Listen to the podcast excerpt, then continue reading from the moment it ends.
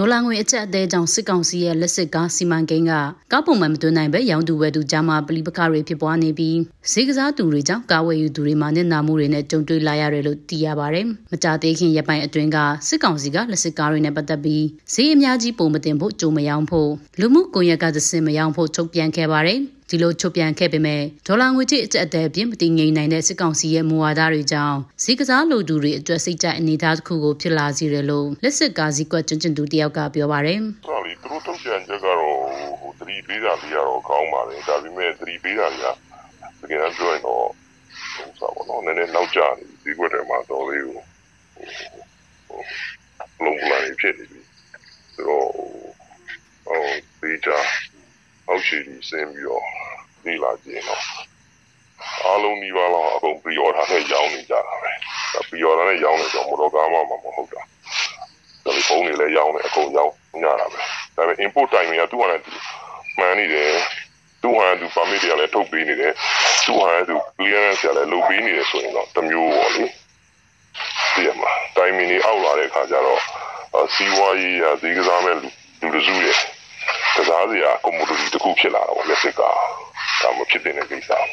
လက်စစ်ကားတွေကိုအခုနှစ်ဇန်နဝါရီလအထက်ကတင်သွင်းလာကြပြီး pre-order ကောက်ယူကစတင်ရောင်းချခဲ့တာဖြစ်ပါတယ်။ပြီးခဲ့တဲ့ February လမှာကျပ်999သိန်းတန်ဖိုးရှိတဲ့ BYD Auto ကားတန်ဖိုးရဲ့30ရာခိုင်နှုန်းဖြစ်တဲ့ကျပ်ငွေ300ကိုပေးချေထားပြီးကားလက်ခံမရရှိသေးတဲ့လက်စစ်ကားတူတင်ဝယ်ယူချသူတူကတော့သူကြုံတွေ့ရတဲ့အခြေအနေကိုခုလိုပြပြပါဗျ။လောလောဆယ်တော့ဘလို့မှလည်းမပြေချင်းသေးဘူး ဟိုပါပေါ့ဘလို့မှမပြေချင်းပေးဘူးဆိုတော့ သူတို့တော့ ငွေပြန်ယူကျင်လားမေးတာပေါ့ဗျာ အဲ့လိုပြောတာပေါ့ ကျွန်တော်တို့ကျတော့လည်း ကားပဲလို့ကျွန်တော်စီယံချတာချိန်ရယ်ဟိုပါပေါ့ငွေပဲပြန်ယူကျင်ကြတော့လည်း နစ်နာတာပေါ့နော် ကားပဲအဲ့ဒီသူတို့ပြောတဲ့ဈေးနဲ့ သူတို့ပြောတဲ့ အခြေအနေကို လိုချင်တာပေါ့ဗျာ ဝယ်ချင်တာပေါ့အဲ့ဝယ်ချင်တာလားပါပဲဆင်ရသူတို့ပေးတဲ့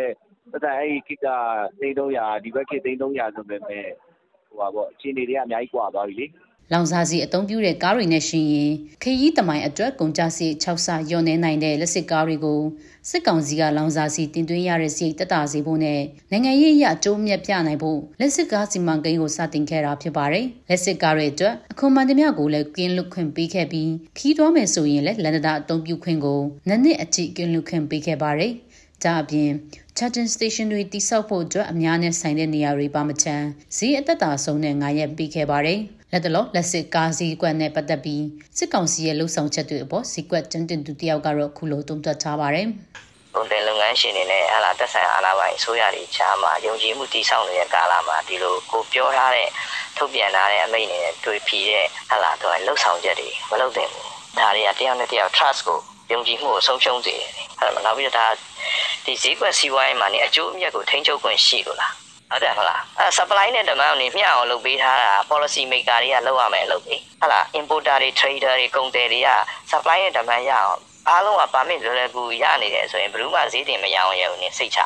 စစ်ကောင်စီကလက်စစ်ကားစီမံကိန်းစတင်ပြီးနောက်ကုမ္ပဏီ26ခုကိုတင်သွင်းခွင့်ပြုထားပါတယ်။အဲဒီနောက် Prime နဲ့ချင်းတွင်းရှမ်းကုမ္ပဏီတို့ကတရုတ်နိုင်ငံထုတ် BYD အမျိုးအစား E2 model တွေကိုပထမဦးဆုံးတင်သွင်းလာတာဖြစ်ပါတယ်။စစ်ကောင်စီရဲ့လက်စစ်သုံးရင်ပြီးဆွဲအသုံးပြုရေးနဲ့အခြေခံအဆောက်အအုံများဖွံ့ဖြိုးတိုးတက်ရေးလုပ်ငန်းကော်မတီအနေနဲ့လက်စစ်ကားငားရင်လုပ်ငန်းအပြင်အဝေးပြေးယူဒီမှာပါလက်စစ်ကားတွေနဲ့အစားထိုးဖို့ပြင်ဆင်ထားတာပါ။ ဒါအပြင်နေပြည်တော်နဲ့ရန်ကုန်မန္တလေးလိုမြို့ကြီးတွေအပါအဝင်အခြားတိုင်းနဲ့ပြည်နယ်တွေမှာလည်းလက်စစ်ကားစီမံကိန်းကိုတိုးချဲ့ဖို့ပြင်ဆင်ထားပေမဲ့စက်သက်ဆဲကာလမှာပဲစစ်ကောင်စီရဲ့စီမံခန့်ခွဲမှုအမားတွေကလက်စစ်ကားတင်သွင်းသူတွေတုံးဆွဲသူတွေမှာနစ်နာမှုတွေနဲ့ရင်ဆိုင်နေရတာဖြစ်ပါတယ်ကျွန်မဟန်နာပါ